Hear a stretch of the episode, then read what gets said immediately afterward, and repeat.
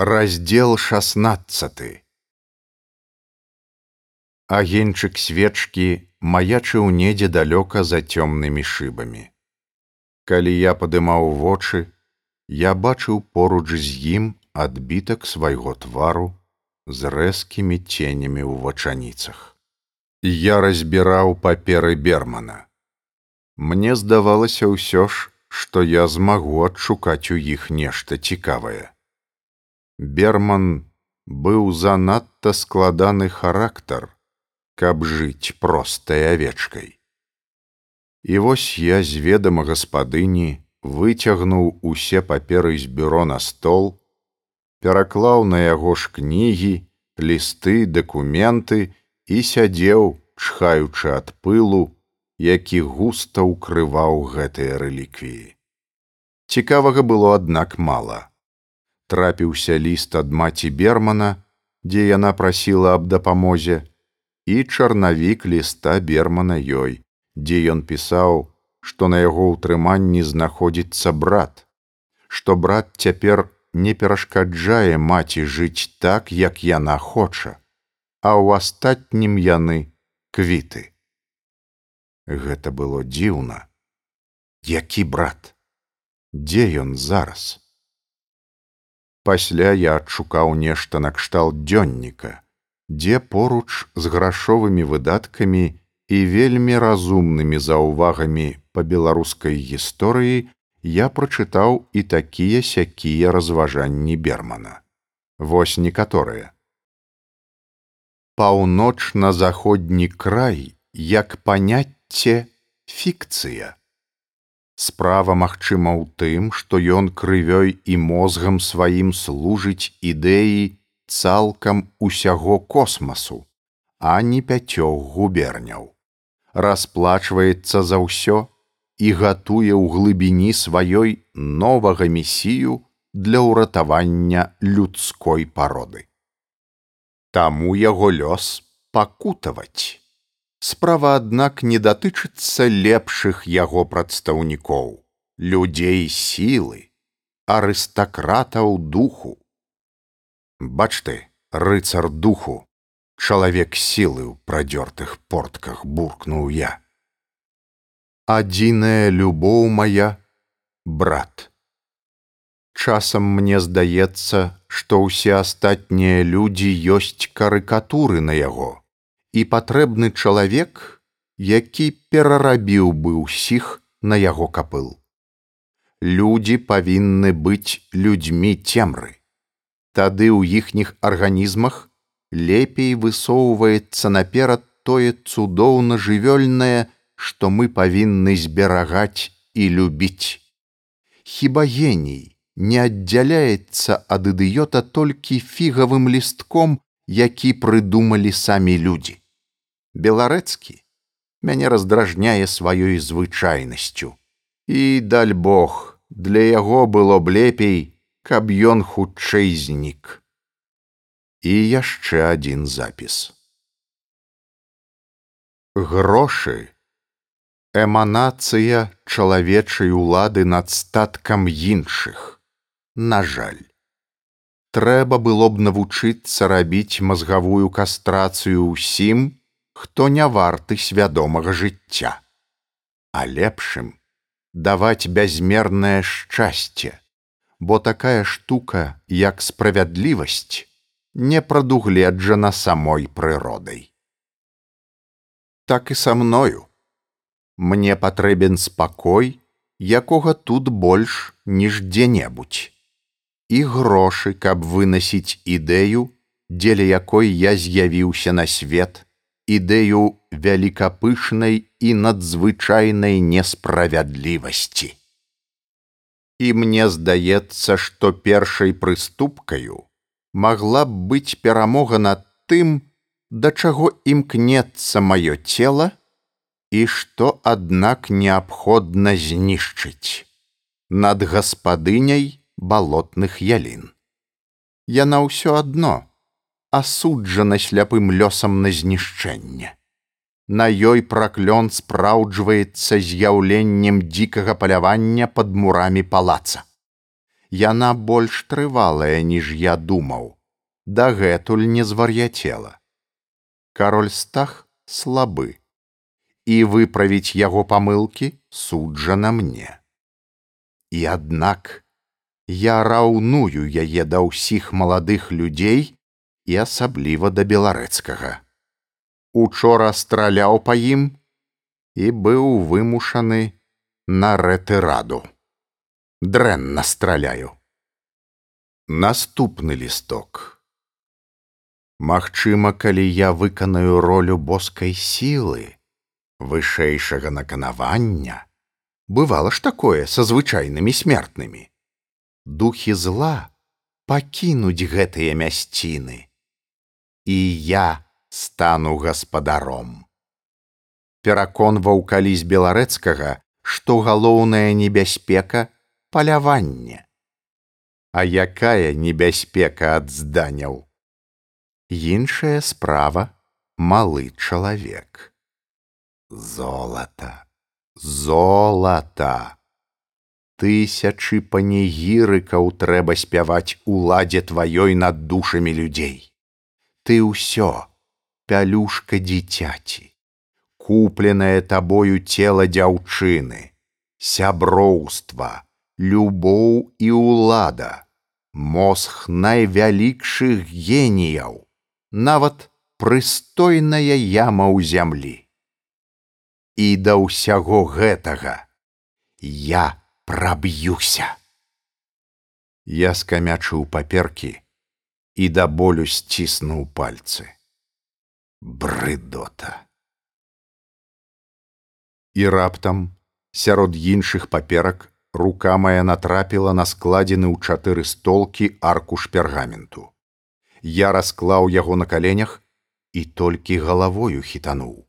Гэта быў план будынка ў балотных ялінах, план 16 стагоддзя. І на гэтым плане выразна было азначана, што слухавак у мурах палаца аж чатыры, і яны так схаваны ў плафоне, што адшукаць іх ніяк нельга. Між іншым адна з іх вяла ад сутарэнняў пад палацам да пакоя ля бібліятэкі, напэўна, каб падслухоўваць размовы вязняў, а другая злучала бібліятэку, закінутыя пакоі для слух на першым паверсе і пакой, у якім жыла яноўская. Дзве другія былі невядома дзе выхады іхнія былі ў калідоры, дзе жылі я і яноўская, але далейшы іх ход быў старанна зацёрты пальцамі. Мярзотнік адшукаў план у архіве і схаваў яго. І было яшчэ тое сёе цікавае. У вонкавым муры палаца была пустэча. Выразна быў адзначаны вузкі праход, і тры нейкія клетушкі. А выхад з прахода быў намечаны якраз за павароткай калідора, дзе я калісьці аддзіраў дзверы ў сапраўды забітым пакоі. Я лаяўся так, як ніколі ў жыцці.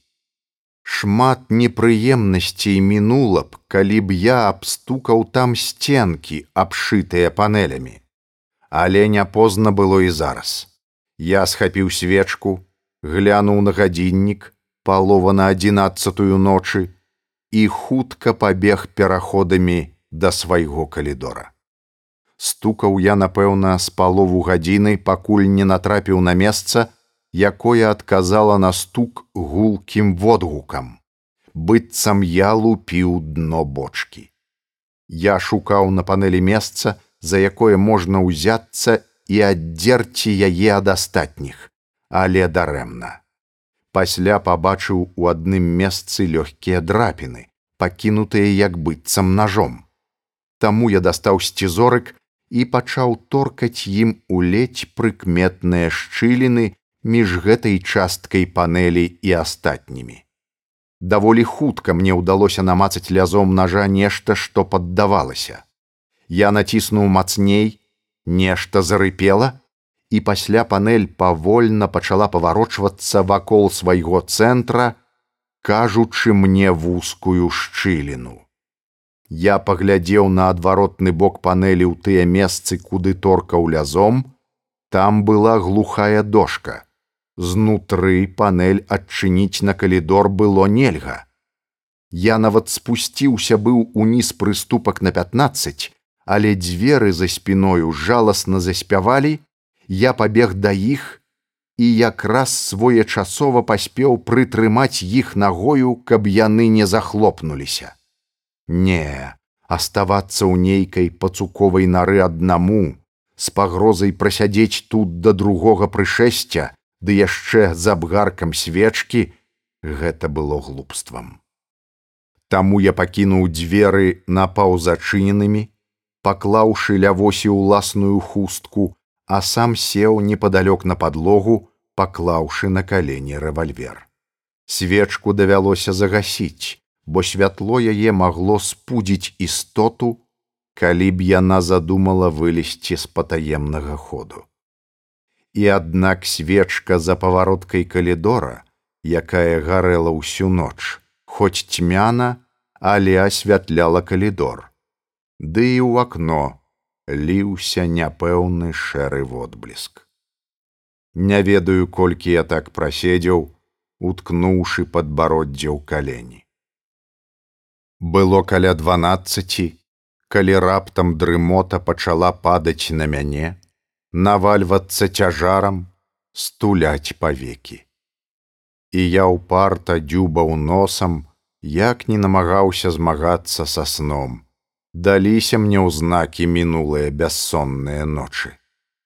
У адзін з момантаў прытомнасць адмовіла мне, і я праваліўся кудысьці ў цёмную душную бездань. Вы спрабавалі калі-небудзь спаць седзячы, прыціснуўшы спіну да мура або лепей да дрэва. Паспрабуйце. Вы пераканаецеся, што пачуццё падзення, якое вы часам адчуваеце, лежачы пад цёплай коўдрай, ёсць шостае пачуццё, што перайшло нам у спадчыну ад продка нашага малпы, што яно было ёй неабходна, каб не ўпасці з дрэва. І седзячы ля дрэва, вы ў сне будзеце падаць вельмі часта і адкрываць вочы і зноў засынаць. І нарэшце дзіўныя сны авалодаюць вашай душой, знікне мільён год чалавечага існавання, і вам здасца, што пад дрэвам дапатопны мамант ідзе на вадапой, і вочы пячорнага мядзведзя гараць з-пад скалы. Прыблізна ў такім настроі быў і я. Сны, сны. Мне здавалася, што я сяджу з доўбняю на каленях недзе на дрэве і мне страшна злезці, бо пада мною па зямлі ідзе нейкі пітакантрап. І ноч і стогнуць ваўкі за дрэвамі. У той самы момант я ўпаў і раскрыў вочы. Проста ў паўцемры рухалася паўз мяне дзіўная істота зялёнае старадаўняе ўбранне было ў пыле і павуцінні. Галава доўгая, выцягнутая назад, як боб, задуменна апушчана. Павекі, як у жабы, ледзь не закрывалі журботныя вочы, а руки былі апушчаны ўніз. І доўгія доўгія пальцы іх амаль даставалі да зямлі малы чалавек балотных ялін прамінуў мяне і праплыў далей. А я сачыў за ім з рэвальверам. Будынак быў яму відаць добра знаёмы. Ён адчыніў акно пасля другое пасля вылезу адно. Я высунуў за ім галаву і пабачыў што гэта істота з малпячым спрытам ідзе па вузкім у тры пальцы карнізе. Ён амаль бег як павук з нечалавечай жвавасцю. Па ходзе справы ён адшчыкнуў з галіны ліпы, якая падыходзіла да сцяны некалькі плодзікаў. Пачамкаў іх. Адной рукой ён дапамагаў сабе рухацца. Пасля ён зноў пралез у калідор, зачыніў вокны і павольна рушыў кудысьці калідорам, страшны ў сваёй нечалавечнасці. Аднойчы мне пачулася нейкае мармытанне. Малы чалавек хлопнуў сябе па лбе і знік у цемры, куды не даставала святло далёкай свечкі. Я хутка накіраваўся за істотай, бо баяўся знікнення. Калі я апынуўся ў цемры, я пабачыў два ззяючых вокі, што глядзелі з кута з невымоўнай пагрозай. Я кінуўся да яго, але яно застагнала цяжка і пабрыло кудысь, хістаючыся на нагах. Утаропіла на мяне свой позірк, пасварылася пальцам. Аслупянеўшы на імгненне, я апамятаўся, дагнаў малога чалавека і схапіў яго за плечы. І радасна страпянулася маё сэрца, бо гэта не была здань. Калі я выцягнуў гэтую істоту на святло, яна торкнула сябе пальцам у рот і сказала няпэўным рыпячым голасам: « Гам, гам! Ты хто такі? трасянуў я яго за плечы. І малы чалавек, былая здань, адказаў завучана: « Я базыль, я базыль. І раптам хітрасць, якая бывае і ў ідыётаў, асвяціла яго вочы. Я вас бачыў, эгэ, Я сядзеў под столом, под столом, брат мяне карміў, А вы раптам шось. І зноў зачамкаў вялізным да вушэй ротам. Я зразумеў усё. Два мярзотнікі, кіраўнік дзікага палявання і берман дадумаліся ўласна кажучы, да аднаго і таго ж самага. Берман, які ведаў, што ён з'яўляецца сваяком яноўскай, прыехаў у балотныя яліны і тут напаткаў план хадоў у мурах і слухавак. Пасля гэтага ён таемна паехаў у горад і, кінуўшы маці на волю лёсу, прывёз сюды брата, які не таму ўнікаў людзей, што любіў самоту брат проста быў непапраўным ідыётам і нездарма ў клубе здзівіліся яго дрэннаму выхаванню. Берман, вядома, прывёз у клуб не брата, а нейкага захожага чалавека. Калі ён прывёз яго сюды, ён змясціў яго ў сваім пакоі, карыстаючыся тым, што да яго ніхто не заходзіў, і загадаў сядзець ціха. Падчас аднаго з гадаванняў я і заспеў іх на месцы злачынства. Малы чалавек тады сядзеў пад сталом, і я мог бы схапіць яго, працягнуўшы руку. Уначы берман заводзіў яго ў хады, і той крочыў па начных пераходах, абуджаючы ў слухаўках гукі, якія чулі жыхары дома. Зрэдку яго выпускалі і ў калідор. У гэтым выпадку ён апранаў назнарок пашыты стары ўбор, а берман чакаў яго ля адчыненых дзвярэй ходу, бо адчыніць іх малы чалавек не мог. Сяды тады яму дазвалялі пагуляць і на свежым паветры. З малпячым, а хутчэй з павучыным спрытам ён бегаў па карнізах будынка, глядзеў у асветленыя вокны і ў выпадку трывогі маланка вознікаў за шматлікімі кутамі будынка. Яму тым лягчэй было гэта рабіць, што ў яго пячорным мазгу зусім адсутнічаў інстынкт самазахавання.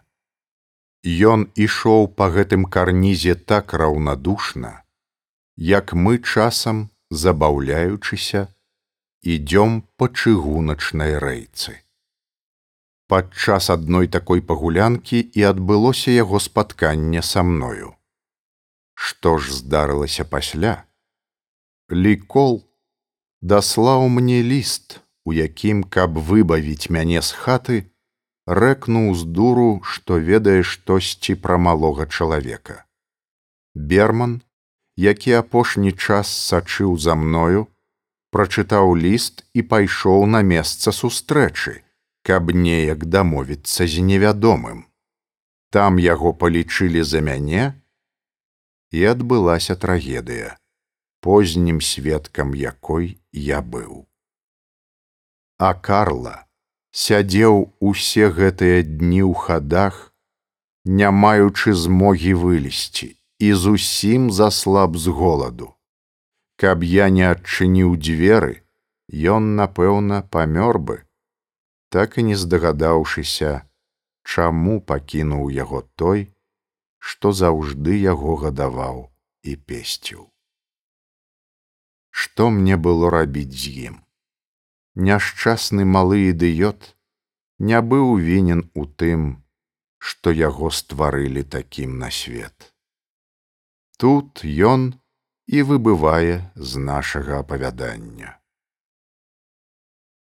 Я нагадаваў яго, абвясціў яноўскай аб канчыне аднаго з прывідаў, якія насялялі палац балотных ялін, і наступнага дня адаслаў яго ў павятовую бальніцу для вар'ятаў.